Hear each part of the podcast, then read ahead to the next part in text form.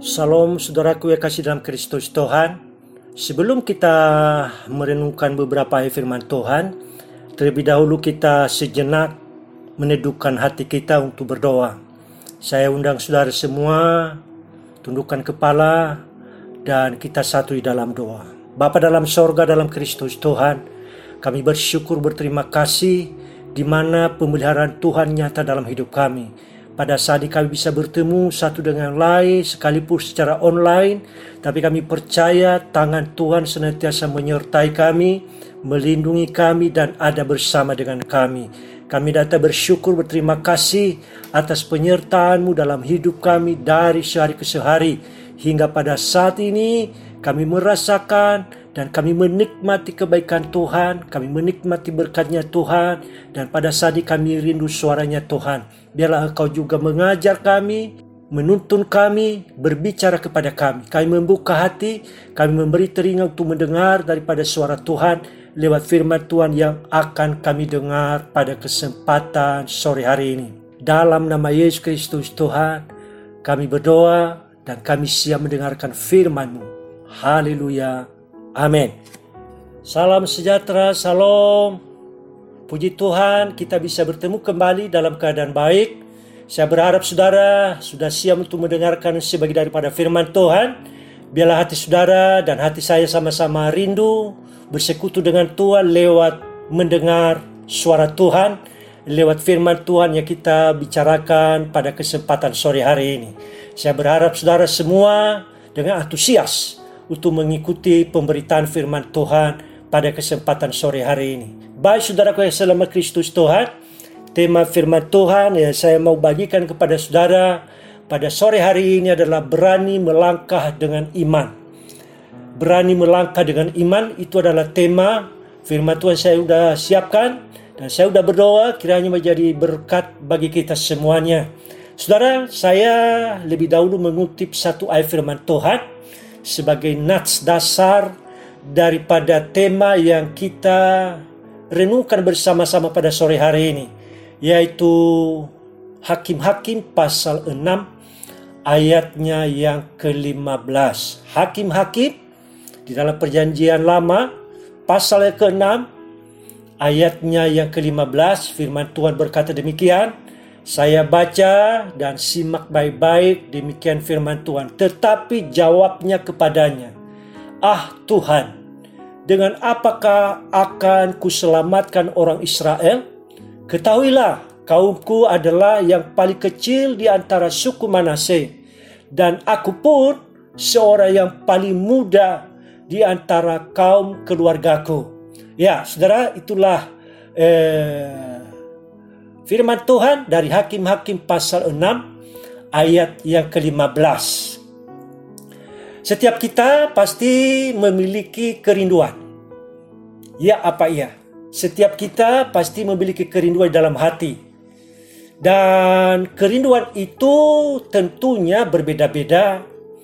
Bahkan sebagai orang percaya kepada Tuhan, mungkin kita pernah mengutarakannya melalui doa. Dan itu tidak salah. Justru itu adalah baik kita membicarakannya memberitahukannya kepada Tuhan di dalam doa. Ada satu kerinduan yang ingin kita alami, yang ini kita nikmati. Ada satu kerinduan yang akan kita terima. Saudaraku, dan yang paling pas, yang paling benar adalah kita bawa kepada Tuhan. Kita bicarakan, kita utarakan kepada Tuhan. Ini loh Tuhan kerinduanku pada hari yang akan datang. Nah, itu adalah kerinduan kita pribadi lepas pribadi dan tentunya berbeda berbeda mungkin dari jenis kelamin juga kita punya kerinduan sebagai laki-laki, kita juga punya kerinduan sebagai wanita, pasti berbeda satu dengan lain. Nah, saudara yang dalam Kristus Tuhan kita percaya bahwa apa yang kita doakan pasti Tuhan dengar dan kabulkan.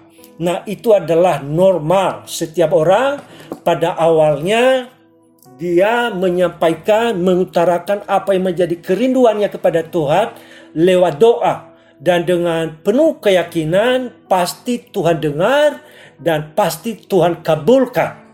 Saudaraku, tetapi apa yang eh, kita doakan tersebut menjadi kenyataan sampai sekarang belum juga menjadi kenyataan. Belum juga, jangankan menjadi kenyataan. Menjadi bayangannya saja juga kita belum lihat. Jangankan bayangannya kita lihat. Mimpi juga belum juga kita pernah mimpikan. Nah itu adalah realita daripada kehidupan saudaraku. Saudaraku yang kasih dalam Kristus Tuhan. Tahukah saudara bahwa Tuhan inginkan kita bukan hanya beriman saja. Tetapi perlu bertindak Tuhan inginkan kepada kita bukan hanya saja berdoa dengan iman, tetapi perlu juga kita bertindak. Saudara, ketahuilah bahwa Tuhan tidak akan bertindak jika kita tidak bertindak. Jadi, kita harus bertindak, maka Tuhan akan teguhkan tindakan kita. Nah, saudaraku, dari ayat firman Tuhan tadi di atas, Gideon itu tidak mengerjakan apa yang baik baginya. Gideon mengirik anggur di tempat pemerasan anggur, itu artinya menunjukkan bahwa ia adalah seorang yang takut terhadap orang-orang Midian. Orang Israel ketakutan, bahkan meskipun Gideon sebagai sang pahlawan, di tengah mereka sekalipun ada tetapi kenapa Gideon menjadi takut? Maka dia bersembunyi. Karena Gideon tidak pernah berbuat apa-apa. Saudaraku yang kasih dalam Kristus Tuhan, kegagalan beraninya Gideon itu karena kesalahannya sendiri. Kegagahan bahkan keberanian daripada Gideon ternyata tidak menghasilkan apa-apa. Jadi kalau cuma semangatnya doang itu tidak menghasilkan apa-apa. Karena tidak berani melangkah, tidak berani bertindak dari apa yang dia imani. Apa yang kita doakan mungkin saja belum terrealisasi sampai sekarang. Bisa saja itu karena kita belum melangkah dengan iman. Kita bisa mengecek, kita bisa melihat sekarang kalau ada sesuatu yang kita sering doakan dan sampai sekarang belum juga menjadi kenyataan, mari kita cek, mari kita periksa diri kita sendiri-sendiri. Bisa saja, mungkin saja sebagai penyebabnya karena kita tidak pernah berani melangkah. Berani melangkah harusnya melangkah dengan iman. Saudara, apakah yang membuat kita tidak melangkah dengan iman? Ialah karena kita terbelenggu dengan perasaan tidak mampu. Tidak mampu melakukan sesuatu. Gideon itu banyak alasannya. Dia katakan, saya dalam suku yang terkecil. Kemudian saya paling muda di dalam keluargaku. Jadi ada banyak alasan bagi seseorang untuk berani melangkah. Sehingga demikian, apa yang dirindukan tidak pernah terwujud. Karena dari awal tadi saya sudah katakan bahwa kalau kita tidak pernah bertindak, maka Tuhan juga tidak pernah bertindak. Nah, saudara kasih dalam Kristus Tuhan, apakah yang membuat kita tidak melangkah dengan iman? Ialah karena kita terbelenggu dengan perasaan tidak mampu. Dan perasaan ini didapatkan karena didikan yang salah atau hal ini bersifat negatif. Saudara kasih dalam Kristus Tuhan, hal yang pertama untuk melewati masalah ini adalah mengalahkan penyakit merasa tidak mampu. Ya, merasa tidak mampu itu bisa dianggap sebagai sebuah penyakit. Dan penyakit ini perlu disembuhkan. Dan sekali lagi, solusi dari masalah ini adalah kita harus mengalahkan perasaan tidak mampu itu dan kita harus berani melangkah dengan iman. Saudara, bagaimana caranya kita mengalahkan perasaan ini supaya kita tidak merasa tidak mampu? Kita harus percaya bahwa Tuhan sudah memberikan kemampuan kepada kita secara luar biasa. Saya mengutip satu ayat firman Tuhan yang tercatat di Injil Yohanes pasal 14 ayatnya yang ke-12. Injil Yohanes pasal yang ke-14 ayatnya yang ke-12. Firman Tuhan berkata demikian. Aku berkata kepadamu, sesungguhnya, sesungguhnya, barang siapa percaya kepadaku, ia akan melakukan juga pekerjaan-pekerjaan yang aku lakukan. Bahkan pekerjaan-pekerjaan yang lebih besar daripada itu. Sebab aku pergi kepada Bapa. Saudara perhatikan, Yohanes 14 ayat 15 ini menjadi dasar bagi kita untuk berani melangkah karena kenapa kita sudah dibekali oleh Tuhan jauh lebih besar daripada yang kita butuhkan. Firman Tuhan berkata, Yesus berkata kepada kita, sesungguhnya barang siapa percaya kepada Tuhan Yesus, ia akan melakukan juga pekerjaan-pekerjaan yang Tuhan Yesus lakukan. Bahkan pekerjaan-pekerjaan yang lebih besar daripada itu. Sebab Tuhan Yesus pergi kepada Bapa. Saudara, ini adalah jaminan bagi kita untuk berani melangkah. Karena Tuhan Yesus berkata di ayat firman Tuhan yang lain, segala kuasa di sorga dan di bumi telah dipercayakan kepada Tuhan Yesus. Dan pada saat ini Tuhan Yesus berkata kepada kita bahwa sesungguhnya barang siapa percaya kepada Tuhan Yesus.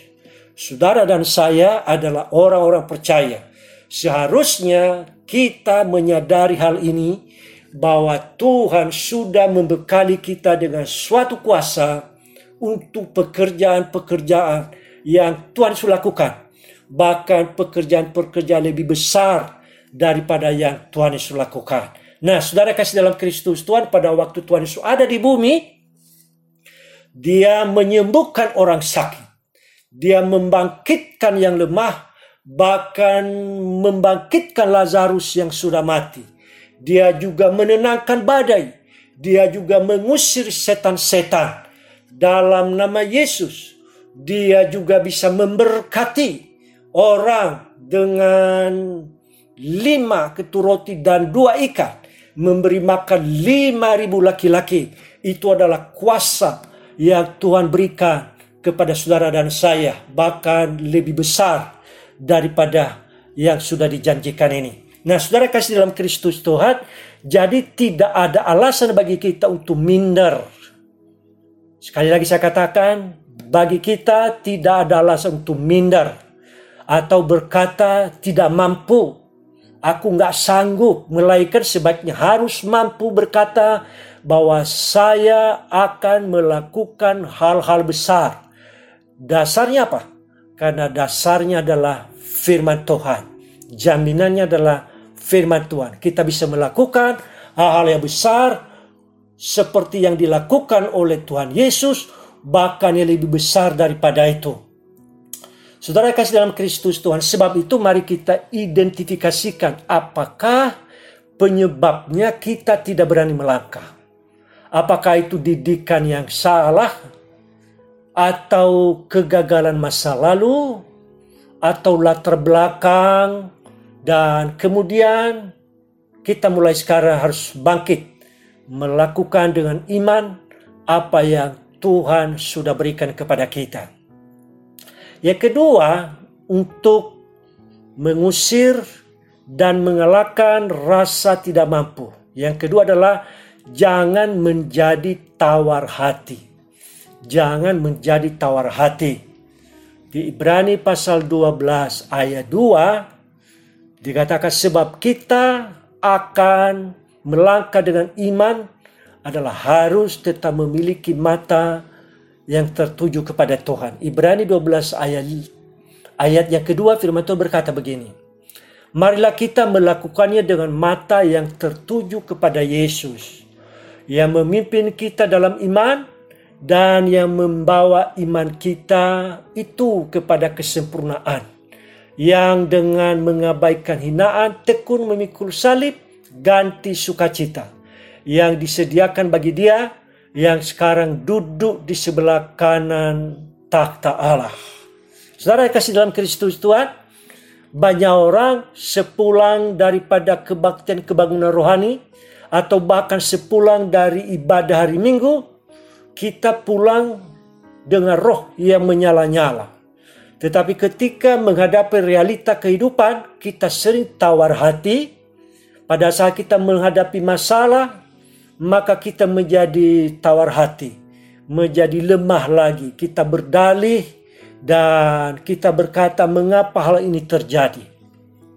Ya, saudara yang kasih dalam Kristus Tuhan, yaitu karena salah fokus. Penyebabnya adalah karena kita salah fokus. Fokus kita kepada masalah Selama kita berfokus kepada masalah, selama itulah kita menjadi tawar hati.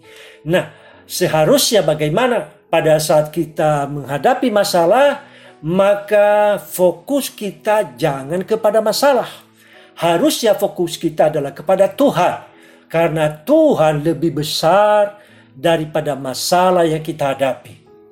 Bahkan Tuhan saja sudah mengalahkan kematian. Pada hari itu dia mati lalu pada hari ketiga dia bangkit. Artinya apa?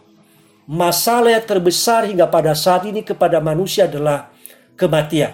Semua orang akan mati. Tetapi orang yang percaya kepada Kristus Tuhan pada saat mati tidak menjadi masalah. Karena kenapa? Karena ada kehidupan di balik kematian. Janji firman Tuhan jelas bahwa pada waktu sangkakala berbunyi Allah sendiri turun dari sorga dan mereka yang mati di dalam Tuhan dibangkitkan. Sementara kita yang masih hidup diubah. Lalu sama-sama menyongsong Tuhan di awan-awan permai. Nah saudara kasih dalam Kristus Tuhan, adakah masalahmu sebesar daripada kematian? Saya pikir semua orang tidaklah sebesar daripada kematian. Tetapi Tuhan Yesus lebih besar daripada kematian. Tuhan Yesus sudah mengalahkan maut. Dia hidup dan kehidupan yang Tuhan Yesus dapatkan itu sudah dianugerahkan kepada saudara dan saya. Nah oleh sebab itu pada saat kita menghadapi masalah, jangan fokus kepada masalahnya. Memang semua kita mengalami masalah, tetapi jangan fokus kepada masalahnya. Fokuslah kepada Tuhan. Itulah caranya supaya kita tidak menjadi tawar hati. Saudara kasih dalam Kristus Tuhan, ketika kita berfokus kepada Tuhan, maka ia akan membawa kita kepada iman. Percaya akan pertolongan Tuhan setiap langkah demi langkah dan akan membuat kita berani melangkah masalah kita. Kita berani melangkahi masalah kita dari sehari ke sehari. Saudara kasih dalam Kristus Tuhan, tema yang kita bicarakan pada sore hari ini, mari kita berani melangkah dengan iman. Berani melangkah dengan iman karena jaminannya adalah Tuhan sendiri memberikan kita kekuatan lebih besar daripada apa yang kita butuhkan. Saudara kasih dalam Kristus, bila firman Tuhan yang singkat ini menjadi kekuatan dan menjadi pengharapan bagi kita untuk berani melangkah menghadapi tantangan hidup ini dengan iman kepada Kristus Tuhan. Kiranya firman Tuhan menjadi berkat bagi kita semuanya dan saya mengucapkan salam, selamat melangkah bersama dengan Tuhan di dalam iman. Amin. Ya, saudaraku yang saya kasih dalam Kristus Tuhan, akhirnya kita bisa berpisah satu dengan lain, tetapi kita tetap satu di dalam perlindungan Tuhan. Sebelum kita berpisah satu dengan lain, kembali saya mau mengajak kita untuk sama-sama satukan hati di dalam doa.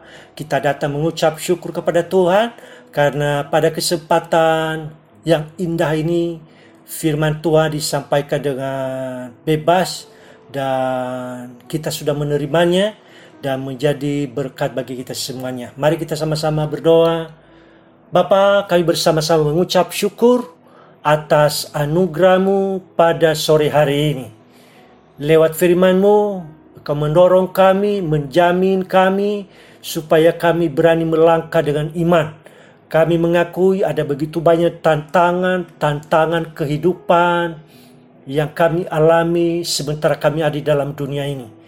Tetapi lewat firman-Mu pada kesempatan ini mengajarkan kami bahwa kami tidak boleh fokus kepada masalah yang kami alami, tetapi kami berfokus kepada Tuhan yang lebih besar daripada masalah yang kami alami. Engkau sudah mengalahkan maut dan engkau pemenang daripada maut itu sendiri. Maka kami percaya juga masalah kehidupan kami, engkau sendiri juga akan menolong kami supaya kami keluar sebagai pemenang. Hambamu berdoa kepada semua sidang pendengar di mana pun berada pada kesempatan sore hari ini. Biarlah tangan Tuhan sendiri turun memulihkan mereka. Sembuhkan yang sakit.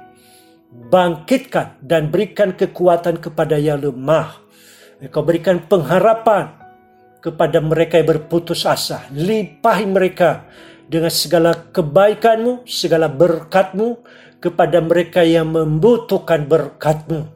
Khidmatmu taruh kepada setiap anak-anakmu yang membutuhkan khidmat Tuhan. Supaya mereka mengerti apa yang harus dilakukan pada hari-hari yang akan datang dalam segala tantangan kehidupan kami percaya engkau tetap memegang kehidupan kami. Engkau tetap mengendalikan hidup kami. Dan kami percaya itu karena engkaulah pembela bagi kami. Engkaulah Tuhan dan juru selamat bagi kami. Pada sore hari ini kami bersatu hati berkata bahwa hidup kami bukan milik kami lagi. Tetapi telah menjadi milik Kristus Tuhan. Oleh sebab itu kami hanya bersandar sepenuhnya kepada Tuhan. Hidup kami hanya bergantung saja kepada Tuhan. Dalam nama Yesus Kristus Tuhan, kami rindu bertemu pada hari yang akan datang dalam tema firman Tuhan yang berbeda. Biarlah hati kami senantiasa menantikan pertemuan yang indah di dalam mutiara jiwa pada sore malam hari ini. Terima kasih Tuhan Yesus. Di dalam namamu kami sudah berdoa, kami sudah mengucap syukur. Haleluya. Amin.